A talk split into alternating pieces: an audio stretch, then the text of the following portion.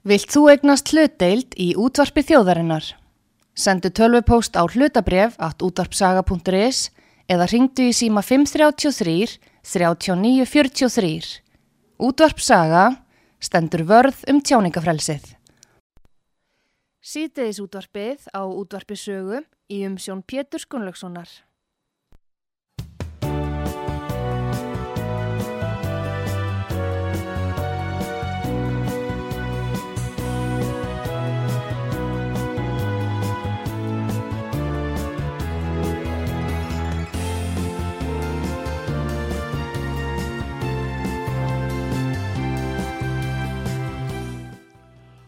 Góðir eh, hlustendur, þeir að hlusta á útvarpsögu, ég heiti Pétur Gunnlaugsson og gestur okkar í þessu þætti verður eh, Jón Gunnarsson, eh, dómsmálar á þeirra og rítari sjálfstæðisflokksins.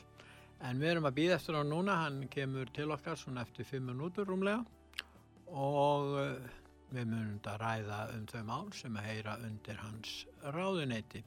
En við skulum þanga til, hlusta á tónlist og hann kemur til okkar eins og ég segi eftir 5-6 mínútur. Jón Gunnarsson, dómsmálar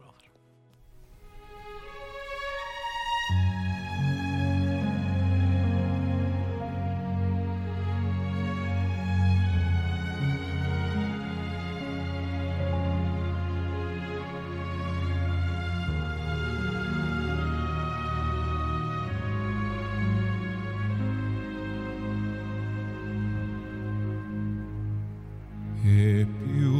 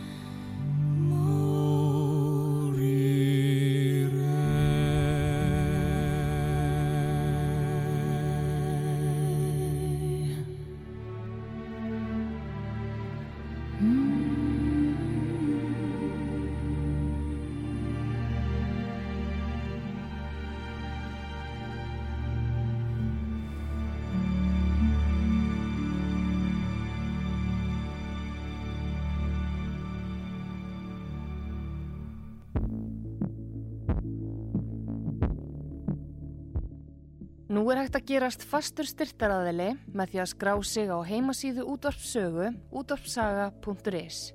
Þú velur greiðsluleið, gíróseðil í heimabanka, debitiða kreditkort og upphæðað eigin vali. Takk fyrir stuðningin og takk fyrir að stuðla að auknu tjáningafrelsi í landinu. Útvarpsaga og útvarpsaga.is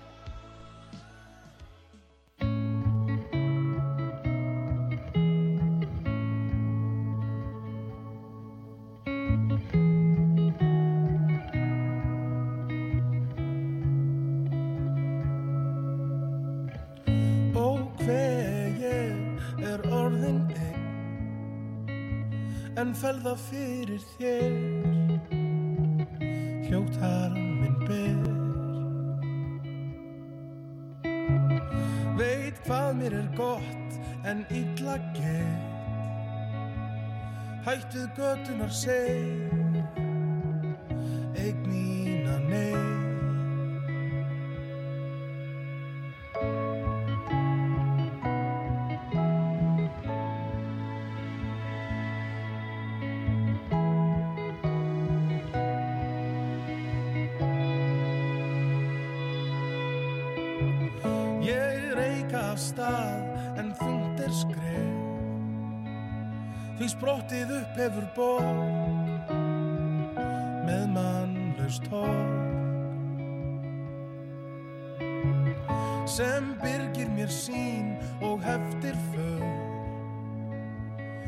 Húsin hratt fjölga sér.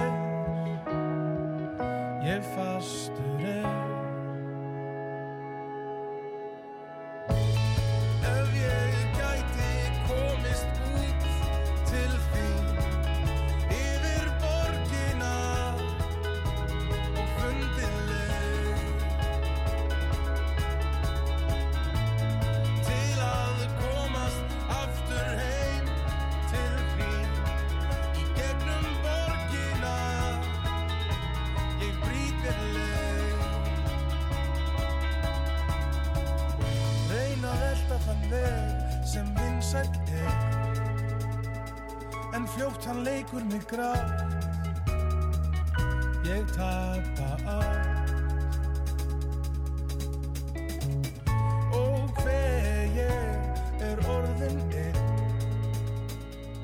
Vild ég væri með þér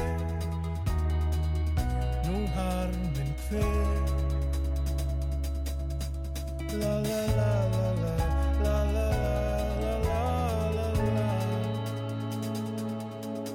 La la la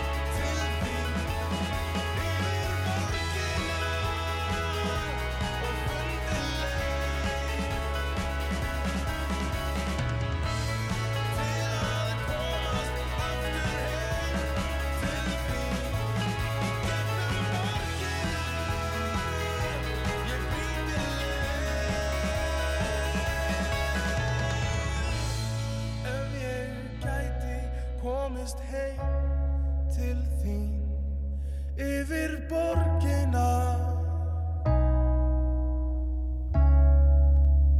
Sýteðis útvarpið á útvarpisögu í um Sjón Pétur Skunlökssonar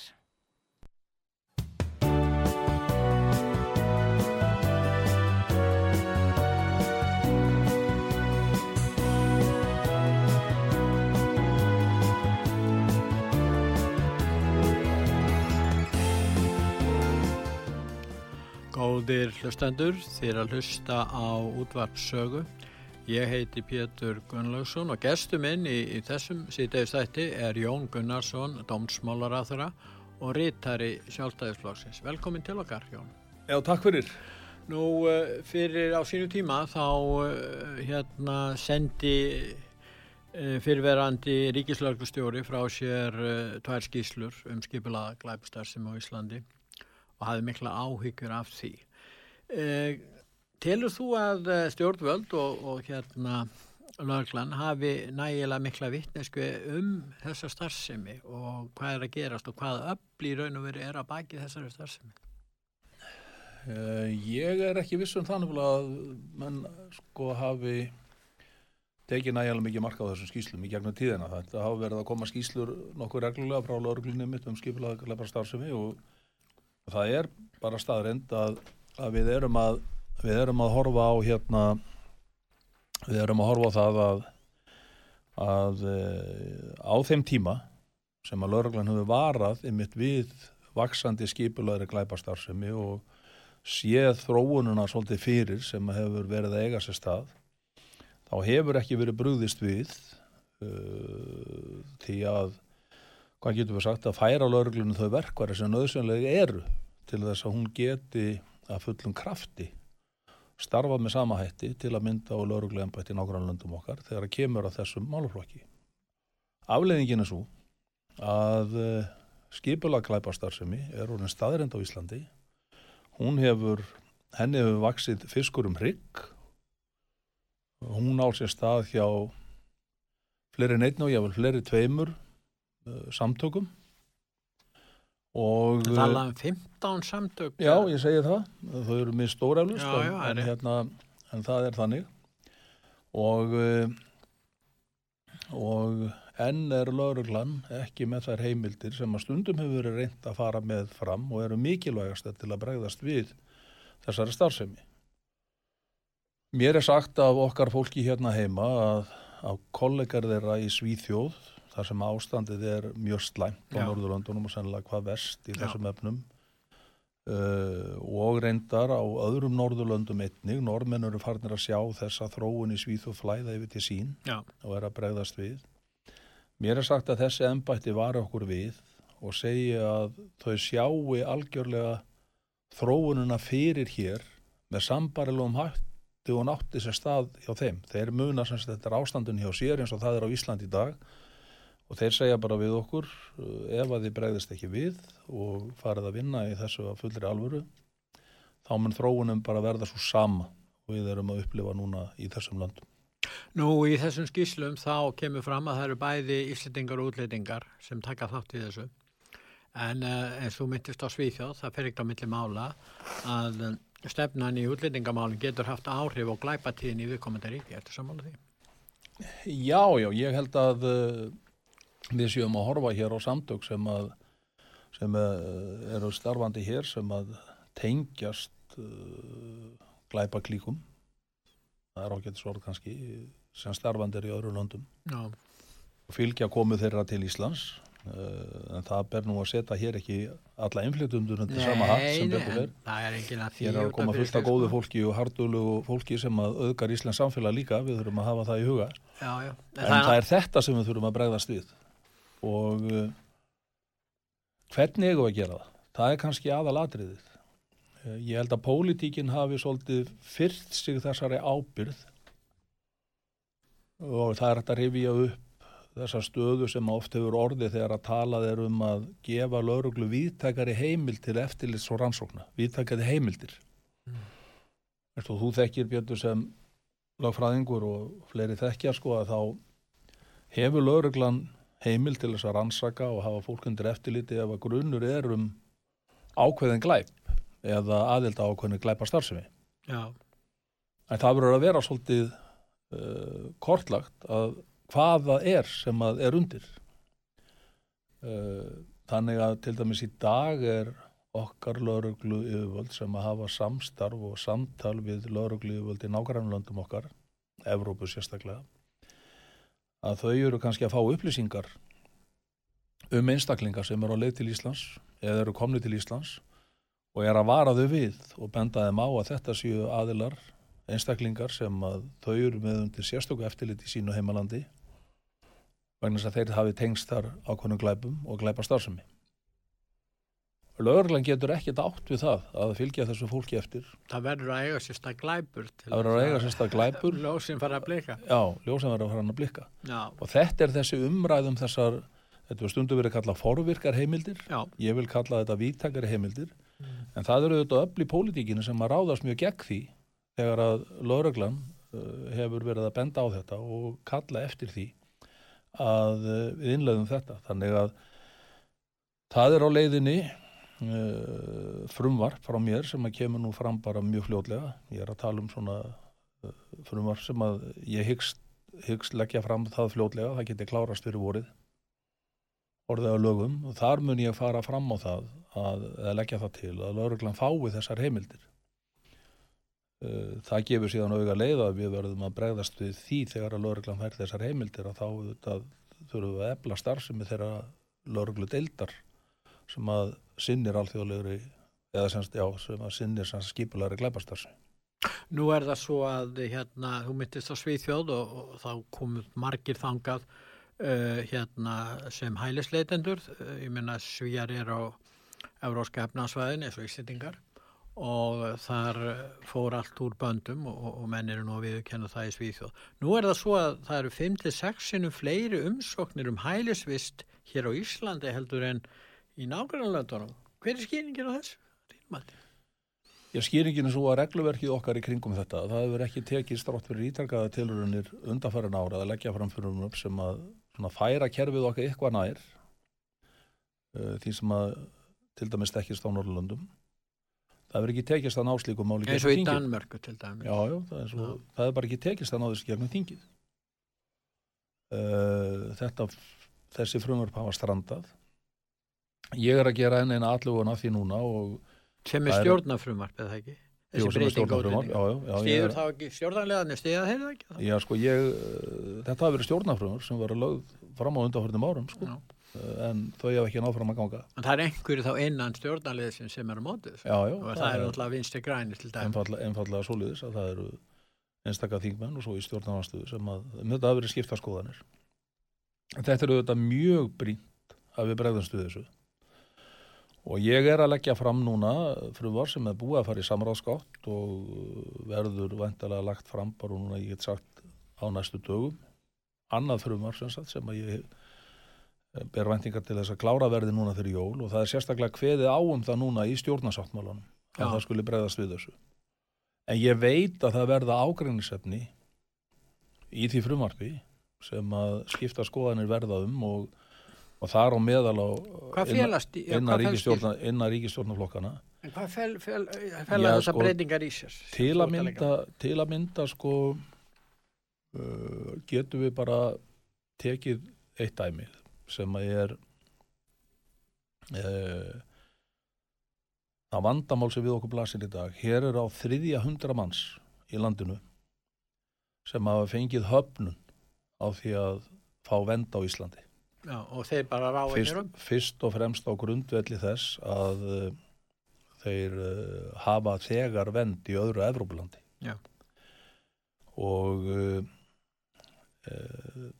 til þess að þett, þetta fólk verði samþygt í móttökulandinu Mm. við sagt, vísum þessu fólki þá úr landið að þau fengi málefnalega málsmeðferð í gegnum stjórnsýslu- búið að ágreða málinn annars það já, líka. já, búin að því sko, svo fá þeir stjórnsýslu meðferð hjá okkur og Er það síðan, síðan skjó, jú, það líka getur verið það sko, ég kemur að því á eftir. Já. síðan skjóta þeir málu sínu til úrskurðanemndar útlendingamála Mm. og á þessum tveimur stigum búin að fá þessa höfnun. En þau þurfa að fara í COVID PC, PCR próf til þess að mótökulandið takja mótið, þá neitaðu bara fyrir PCR próf og við höfum enga lagaheimildir til að þvinga þau í PCR próf þetta fólk þurfti reyndar að fara í PCR próf þegar það kom til landsins kom inn í landið, þannig að það var ekki vandamál fyrir það þá. Uh, það neitar að fara þannig að við setjum bara upp með þetta fólk. Og ég er að leita eftir því að, í þessum, þessu frumarpi að uh, það sé að þvinga þau í það að fara í PCR próf uh, sem er nú ekki flókið, þetta er að stinga einhverju pinn upp í nefið og ganga frá því. Og reynsl annara þjóða sem hafa tekið þetta upp er svo að það kemur eiginlega ekki til valdbeitinga í þessu efni vegna þess bara þegar að laga ákvæðið er orðið til staðar þá fer fólki í þetta En PSR fór í greiningu þegar kominga.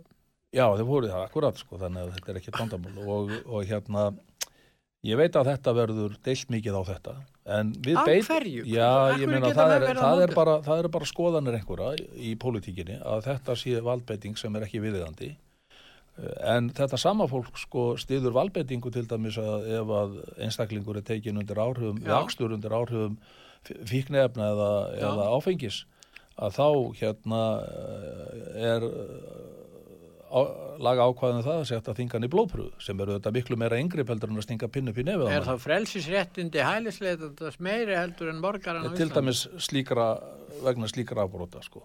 mér finnst það ekki standast neina skoðun sko. við getum sagt, eh, ég get nefnt önnur atrið þessu frumvarpi sem eru mikilvæg uh, ymmit þessir aðilar sem að ílengjast hér og er að reyna að vinna sér inn þann tíma að þeir geti fengið mál sín endur upptökin og jáfnvel komnir á þann stað að við verðum að veita þeim vend hérna að því að tímalínan tikkar alltaf að þá uh, þá hérna eru þeir allan tíman á bótum hjá okkur í félagslega kerfinu. Þessi hópur fólkstildami sem hafa verið að fara nú landi, hann kostar okkur um 100 miljónur á mánuði. Hvað kostar set- set- einn set- set- Setið setið það svo í samingi við það, ég geti ráðið átta lauruglumenn Já, uh, sem er brín þörfa á móti þessum útgjöldum. En uh, heldar málaflokkurinn er að kosta fyrir utan útlendingastofnun og kærunemnd útlendingamála um 3,7 uh, til 4 miljard ári.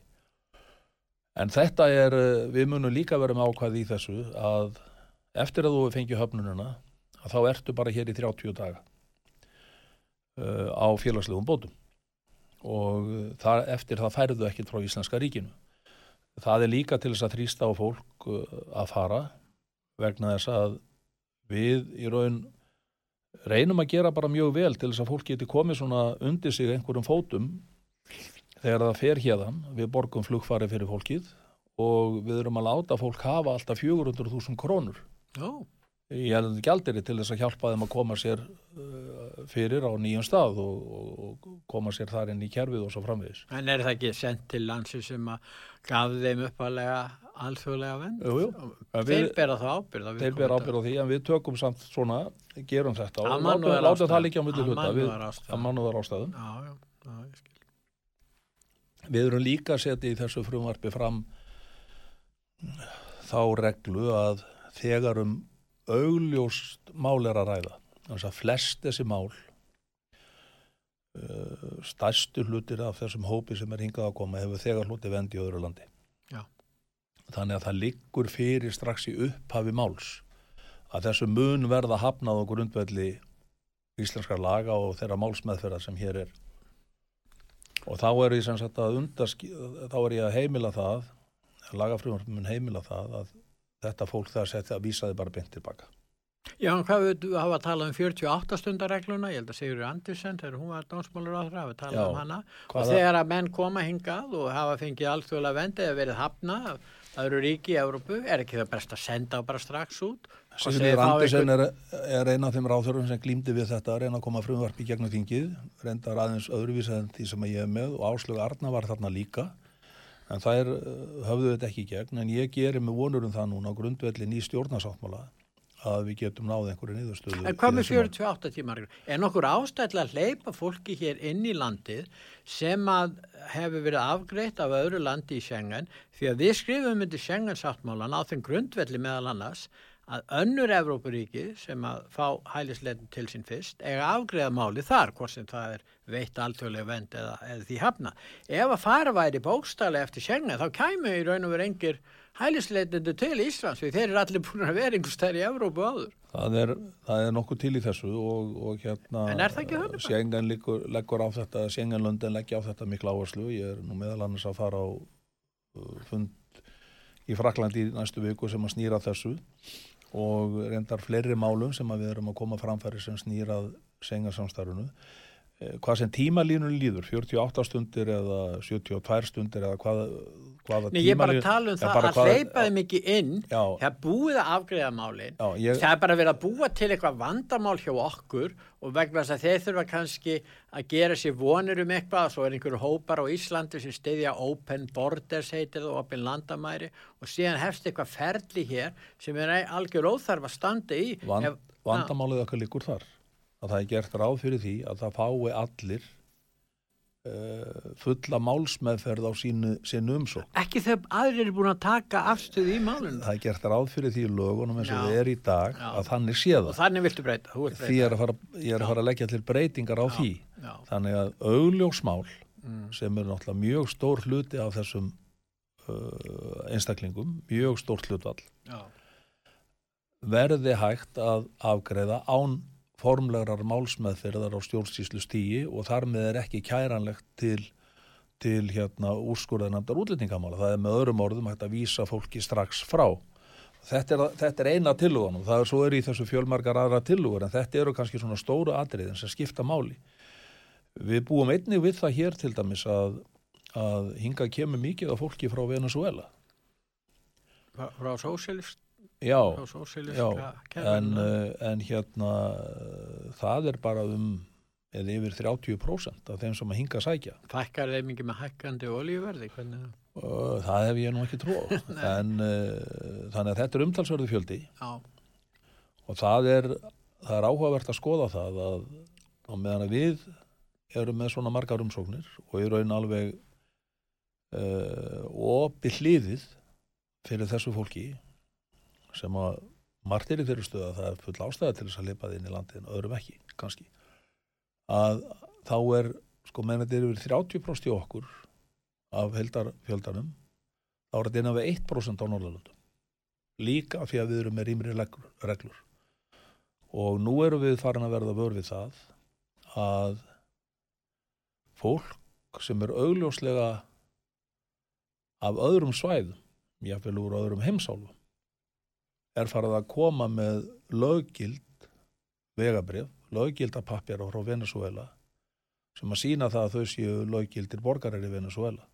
Við vitum það að í því ríki er mikið, mikið hérna uh, rót, mikið lóstöðuleiki og, og uh, en telja það sem ég vil hægt að kaupa bara vegabrifin og kaupa sér þessa stöðu. Já, við þeir ekki takt að segja en á meðan að þessi, þetta hliður opið. Mest að þessu fólki flýgur í gegnum spán, þar eru mestu samskiptin við þessu Mið-Ameríkulönd, Suður-Ameríkulönd og Mið-Ameríkulönd og hérna uh, við uh, þannig að ströymurinn líkur svolítið þaðan, uh, oppin verður eftir á spáni já, upp til hópa er þetta bara fólk sem hefur leitað hér út í atvinnulífið og er að standa sig ágætlega samkvæmt um upplýsingu sem ég hef. En þetta þarf þarna skoðunar og þetta er mikilvægt mál á okkar mati fyrir sjengan en þess að við vitum í raun og veru ekkert hvaða fólk er að koma inn til Európa nei, og við höfum erum að taka það upp núna við, við hérna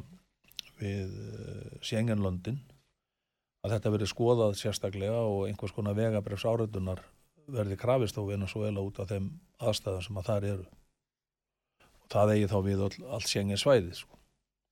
En- þessa, þessa við þessum uh, ábyrndingum okkar er, verið komið að er verið að koma framfæri.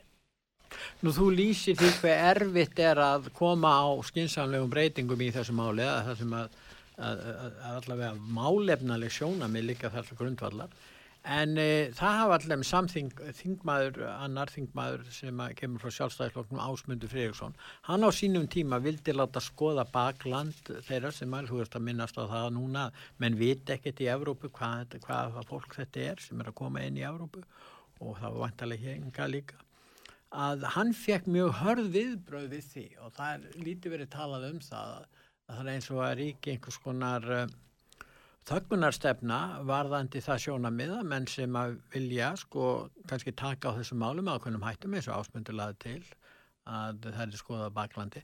Hann lýsir í viðtali núna uh, hann gerir það að, að það var bara, var bara fyrir árásum. Það var bara hringt í hann og það var fyrir árásum, stöðugum árásum.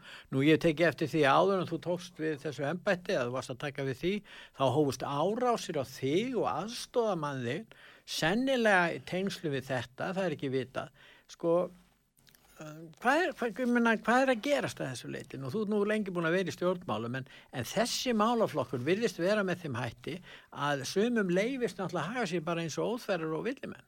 Já, já, ég held að sko uh, skoðanir ásmunds uh, ásmundar farið í sjálfu sér uh, bara saman við þau frumvar sem lögð hafi verið fram Já. á hálfu ráðherra flokksins á undanförðum árum Já, sem að hafa einmitt verið að taka á þessu. Við erum ekki að færa í þessum tillögum okkar löggjöfuna að öllu leiti eins og hún er í nágrannlöndum okkar. Við erum að stíga mikilvæg skref en alls ekki það stórt skref að við séum orðin á sambaralegum stað á Norðurlöndin sem að mörg okkar myndu vilja bara sjá okkur á. Við værum svona að Erum við þá nota- frjálslindari heldur en þeir Já, í þessum málum, þrátt fyrir ekki- þína breytingar? Það he, já, já, við erum það áfram. En við höfum bara ekki haft pólitískan vilja í þinginu til þess að taka á þessum málum. Þetta hafi verið viðkvæm mál og það eru, það eru hávarir hópar sem að fara á stað í kringum þessi mál og við höfum séð það, hvernig það hefur þróast á undanförnum árum. Eina sem ég er að byggja um núna, það eigi sérst að málefnilegu umræða um mjög alvarlega stöðu um þá staðrind að eins og staðan er í dag þá eru við einfallega komin algjörða þólmörkum og ráðum ekki við ástandið.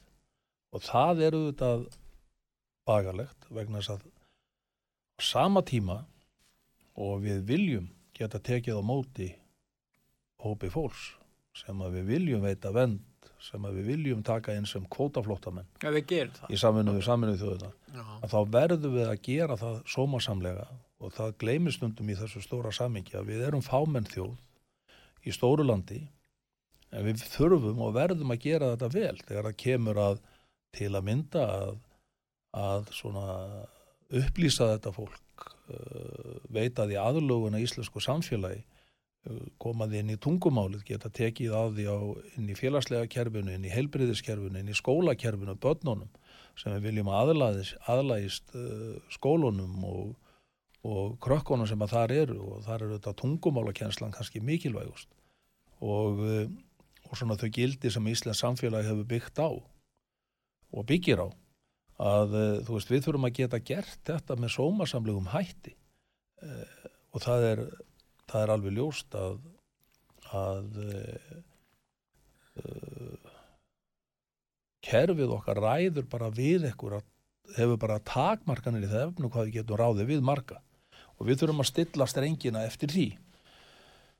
En svo er bara fólk sem er á annari skoðun heldur ég í þeim efnum. Og það er ekkit annað að virða skoðanir annar þó maður sé ekki sammála þeim. En það er bara fólk sem vil hreinlega opna landamæri Já og er ég. þess, að- leyfa þess að flæða inn og um þetta er- tekist á í á einum pólitíska vettvangi og eins og ég segi við höfum ekki náð að fá þessi mál afgreiti gegnum þingið sem er lögð það að vera fram nú reynir á það enn- eina fyrir en enn og, og ég telur enda núna sé svona styrkari stóðir í stjórnarsáttmála ríkisvotnaflokkana fyrir því að uh, afgreða þessi mál Nú stendur þetta í stjórnarsáttmála.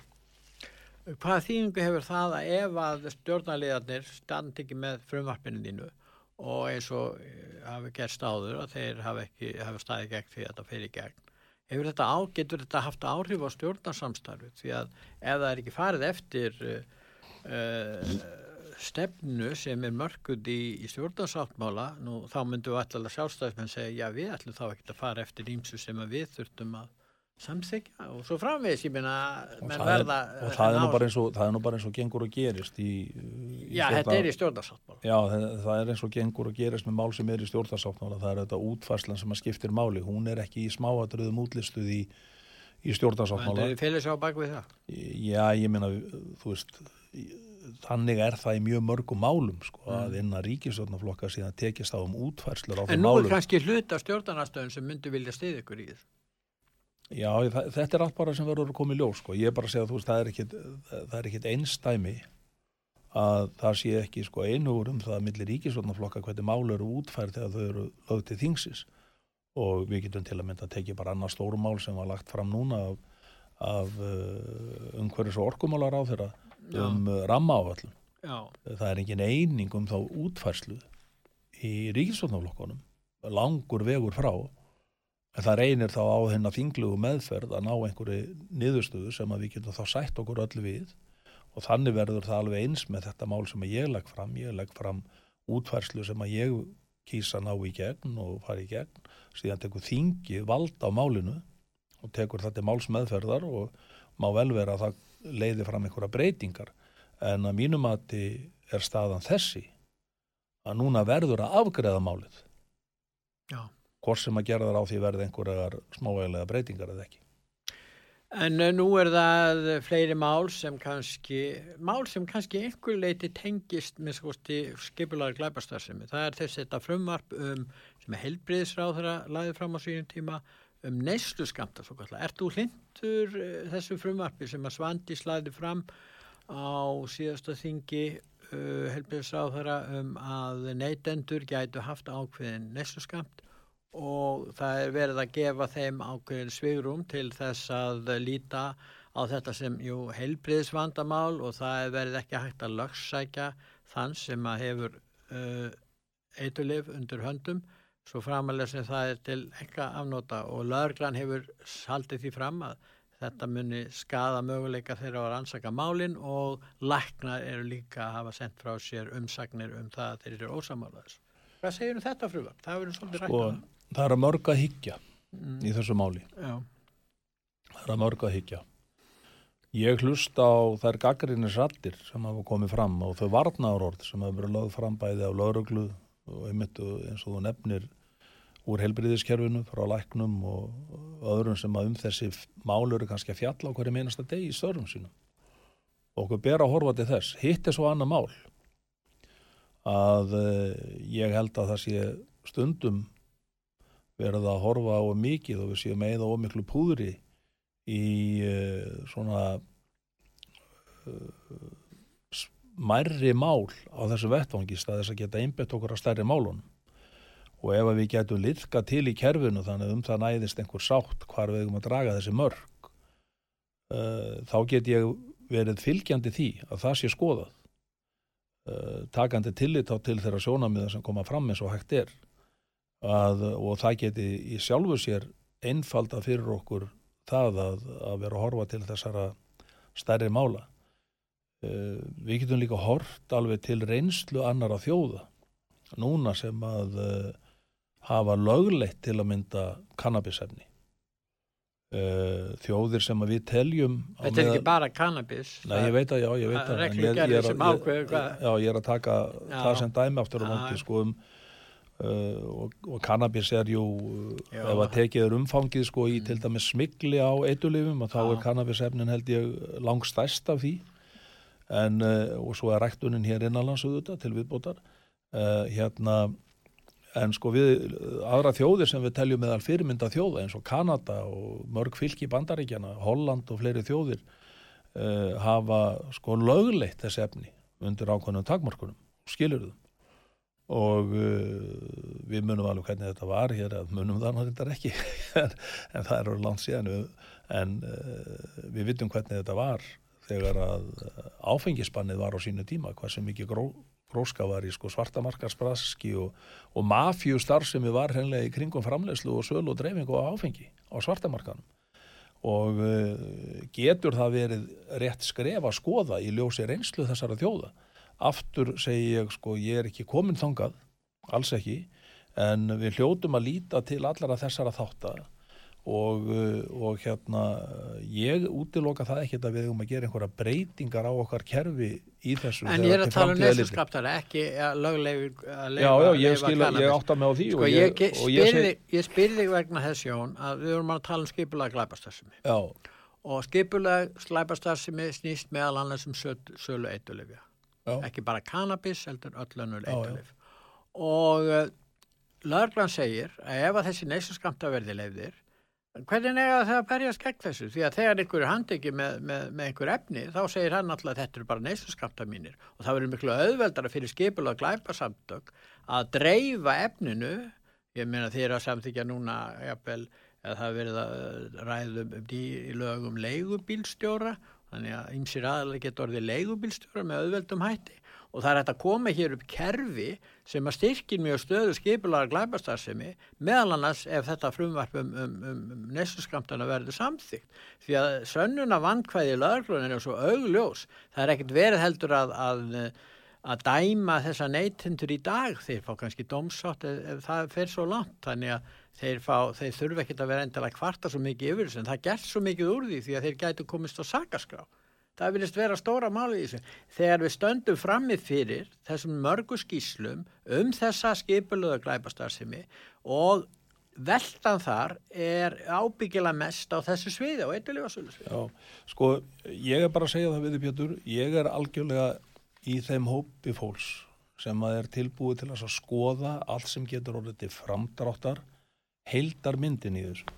Og ég held að sé ekki að þetta rjúfa tengslinn á milli þess að við horfum til þess að einhverju neysluskantar séu ekki að, eh, fólk sé ekki að hérna, að það sé ekki að fara með einhverju þunglagmöluðum hætti gegnum kerfið en þá getur þú líka veltir fyrir þér sko ef, þú, ef við nálgunst eitthvað sjóna, eitthvað sjóna við þar og eitthvað náum einhverju samkomulagi eh, eh, hvað að því að við og hver er þá grundvöldurinn af því? Og grundvöldur væri sá að við teljum að þetta fólk sem að þarna heyrir undir séu kannski frekar sjúklingar heldur en, heldur en hitt og í mörgum tilfellum þeir eru það náttúrulega margir. margir hverjir sko. Já, og það er að nálgast málinn frekar og Já. þessa einstaklinga frá þeim vinklinu. Mm. uh, en hvert eru við þá komin sko í því að, að ræða dreifinguna?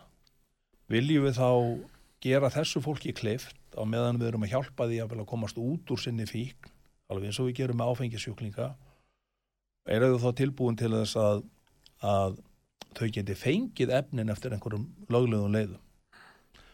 Vegna þess að leiðu þú klippir á það að þá þetta ert að taka svolítið markaðin allavega hluta af markaðinum frá þessari skipulöðu glæbarstarfsemi og uh, þú ert að draga kannski helst á opnið úr þeirra höndum með því að fólk geti sótt sér skamta og þá höfum við aðgangað þessu fólki þá getum við hjálpað þessu fólki en það tala um það að þeir fái skamtana frá hennu ofinbara já, með einhverjum hætti það er mögulega, ekki gert ráð fyrir því í mögulega. þessu Nei, ég, ég er bara að tala Já, um þessa möguleika, sko, já, já. ég er bara að tala um þessa möguleika það eru margir möguleikar uppi Mm. og ég er bara þar stattur í þessu máli að ég er algjörlega tilbúin að hlusta með opnum huga á einhverja útfærslu hugmyndir í þessu sem getur hjálpað okkur í heildarmyndinni Mm. í að ná sterkari tökum á þessum vágest uh, og hérna og uh, síðan verða met, menn að meta hættuna af neyslu svona fíknefn og annara fíknefn og svo framvegist þú, sko,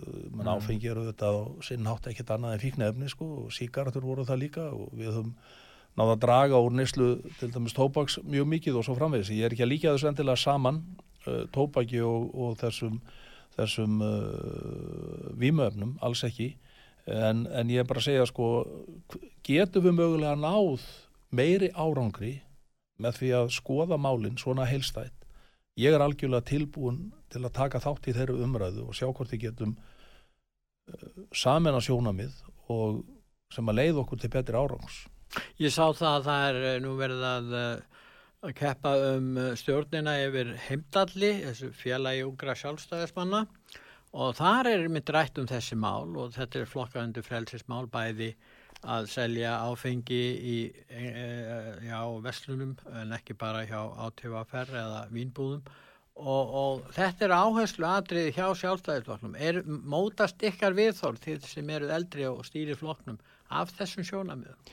Ég sko, við tölum nú mjög átt sem ungliðar hefingun okkar sem að við erum þeirra gæfi nótandi, það er mjög öflug Hún er hefingun vísi ekki eins öflug, hún var einn gamla daga Já, hjá það, þú, manns bara, þú manns bara til þeim tíma, þú ert svo langt frá þessi dag, maður, þegar þú varst í þessu sjálfur, Já, ég var ekki þar, Sjálfstæðismaðurinn, nei, nei, ég- ég var ekki þar ég sko. ætla nú að leggja það undir að þú var ekkert tíma komið nálagt einhverju, Nei, ég, var alveg lausund af því kannski sko. ekki misskilningur. en einhvers Ég hef ekkert að móta öllum stefnum hérna, en ég segi bara sko, ég segi bara sko, hérna, það er mikið gróska þar og uh, við höfum oft talað um ungliðarhefinguna svona sem samvisku hlið flokksins að þessu leiti í frelsismálum sérstaklega og uh, það er nákvæmlega þetta sem ég er að tala um. Ég er algjörlega tilbúin til að setja sniður með þessu fólki og þeim sem að hafa síðan reynsluna hinum megin frá og hafa, halda uppi varnaðar orðunum og sjá hvort við getum ekki leitt saman sjónamiðin.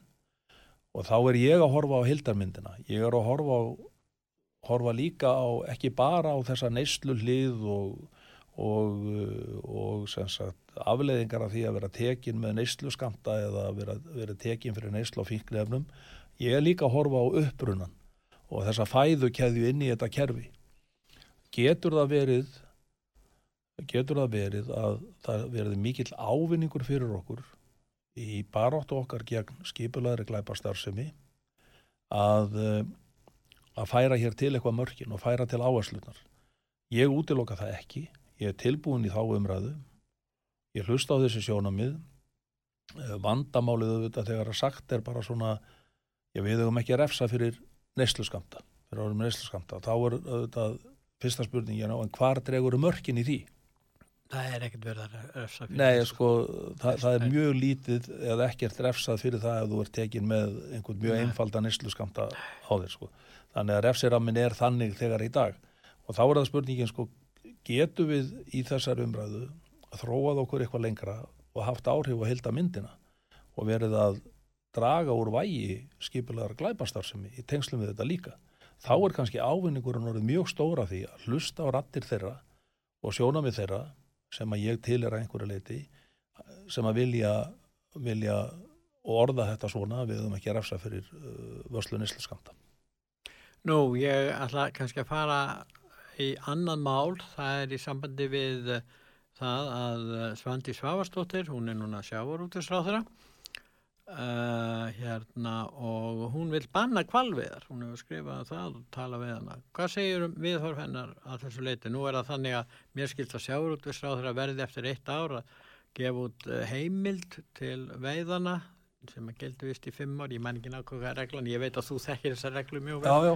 Og hvað segir þú um, um þetta? Eh, Hvað segir þú það? Ertu sammála eða ósammála henni? Og ef þú ert ósammála henni, hvernig telur að hún bregst við með því að banna þetta, verði einhver viðbröð við því? Alveg þeirra sem vilja veiða? Ég, þetta hefur ekki komið til umræðu á milli stjórnaflokkana og það má vel vera að Svandís hafi þessa skoðun og kannski Já, hún er hún- verður og hefur hún, og hún hefur kannski viðrað hana áður sko Já, en uh, afstæða mín er alveg skýr í þessum efnum sko og, og hérna hefur alltaf leiði fyrir og lág fyrir enda löngu áður en ég fór á þing þar sem ég var nú í fórustu fyrir hóp sem að kallaði sig sjávarnitjar Já. og voru kannski fyrst og fremst svona uh, fólk í þessu tilfellu fólkið á planinu fólkið á skipunum sem fólkið sem hafði haft á þessu atvinn og lífsviðu væri að, að veiða og vinna kval já, Ég var reyndar ekki þeim hópi en ég átti uh, góða vini sem að þarna höfðu starfað og, og hérna einhvern tíman var ég beðin um að koma á fund þar sem að þeir voru svona að starta þessu og ég uh, segi það þetta er sannlega einhverjum tíu árum áður en ég gerist alþingismæður já, og uh, það endaði nú með því að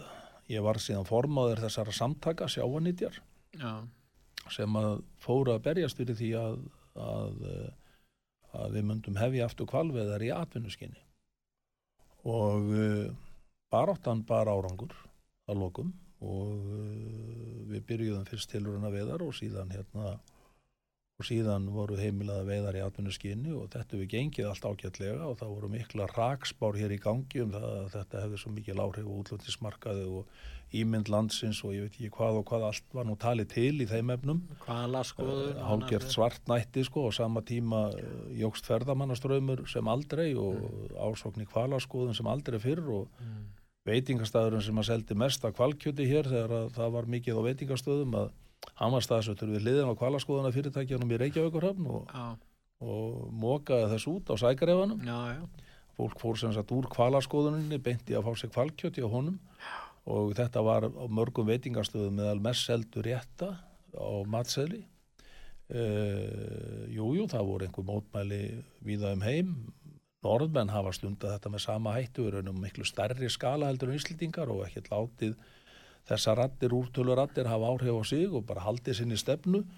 Uh, þannig að sko sama þróun hefur nú verið þar að, að að normenn eru, eru bara sterk þjóð og vaksandi ferðamannaströymur þar líka.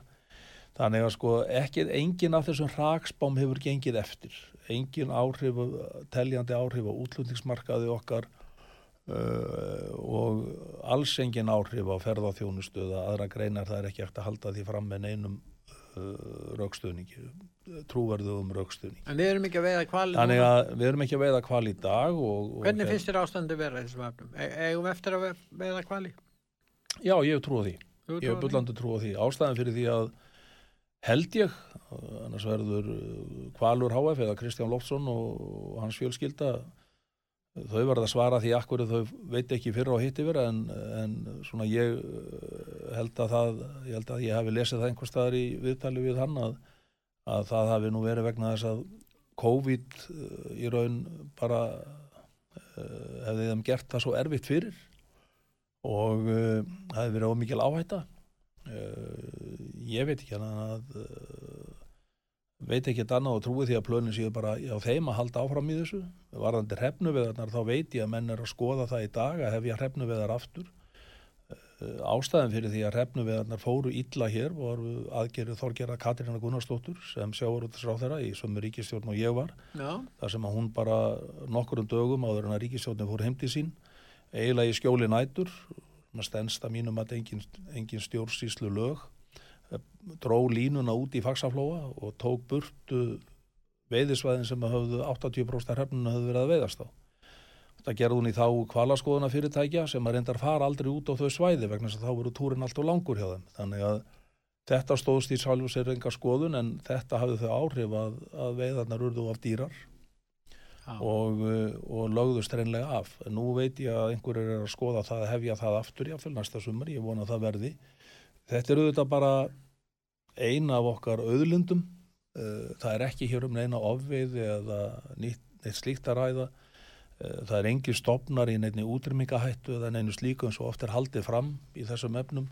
Þetta eru stopnar sem eru mjög vel á sig komnir, uh, stórir og miklir og þetta eru auðvitað gríðaleg, uh, gríðaleg prótein keðja þarna sem er á ferðinni og uh, margar nýjungar sem verið er að vinna til dæmis sem tengja slifja minnslu og slíku sem að verður áhugavert að sjá hvað kemur út. Þannig að grundvöllur fyrir slíku veiðum gæti til dæmis skjöru breyst, gangi þau það er hugmyndir eftir.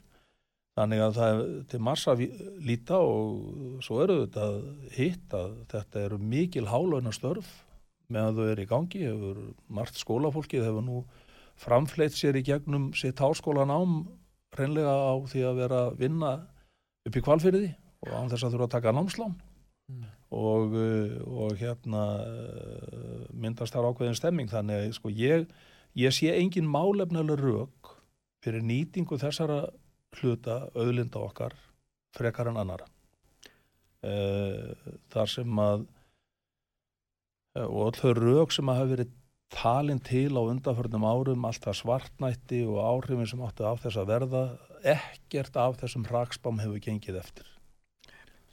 Nú, Jón, við erum að fara að ljúka þessu. Já, og ég þakka þið fyrir að koma til okkar. Já bara takk sem leiðis og hérna gangi ég vel í þínu starfi. Takk og fyrir það. hérna og uh, þetta verður það ráð, ráð þeirra embætti að ráðneyti sem menn munu sannlega fylgjast með mjög vel með. Já, ég Þú vona það alveg bara. búast við Ég, því, Jón. Ég reynir mig Þú verður í, í hérna í gera, ég vona það bara, ég reyna að gera mitt besta og, og hérna við erum að hlaupa rætt, það eru margir boltar komnir á loft og eins og sjáum ný bara á næstu dögum og vikum og mánuðum, þannig að við erum að, við erum að stíga skref stóra breytinga við það og ég hlakka bara til og, og hérna að leggja það fyrir þing og þjóð sko, þegar það er að kemur. Ég þakka fyrir Jón og ég þakka hlustundum útvar sögu fyrir að hlusta. Verðið sæl.